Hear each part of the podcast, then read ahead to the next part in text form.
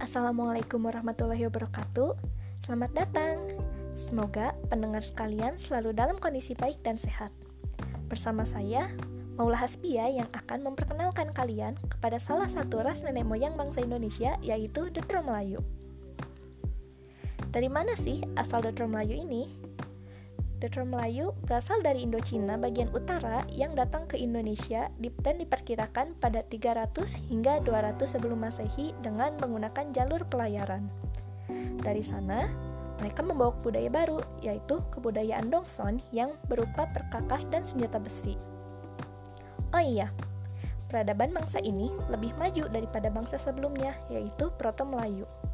Hal ini dibuktikan dari mereka yang mampu mengerjakan logam. Perpindahannya yang melalui jalur laut juga menunjukkan bahwa mereka telah menguasai sistem pelayaran dan perbintangan. Selain itu, mereka juga sudah memiliki kemampuan untuk membuat irigasi di tanah pertanian mereka.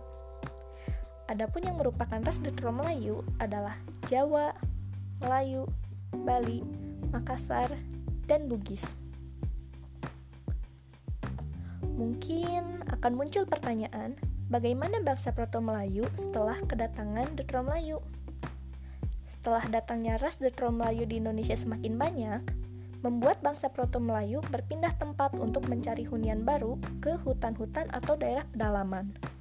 Namun, ada juga yang memilih untuk berbaur dengan Detro Melayu. Namun pada akhirnya Keduanya saling membaur, saling berinteraksi, dan menjadi penduduk di kepulauan Indonesia. Inilah yang sekarang membuat keduanya sulit untuk dibedakan. Untuk selengkapnya, kalian bisa menggali informasi lebih dalam lagi tentang asal-usul nenek moyang Indonesia. Agar lebih paham, kalian bisa membuat peta pelayaran Detro Melayu di Indonesia. Cukup sekian siaran kita kali ini. Tetap sehat dan selalu semangat. Sampai bertemu di siaran berikutnya.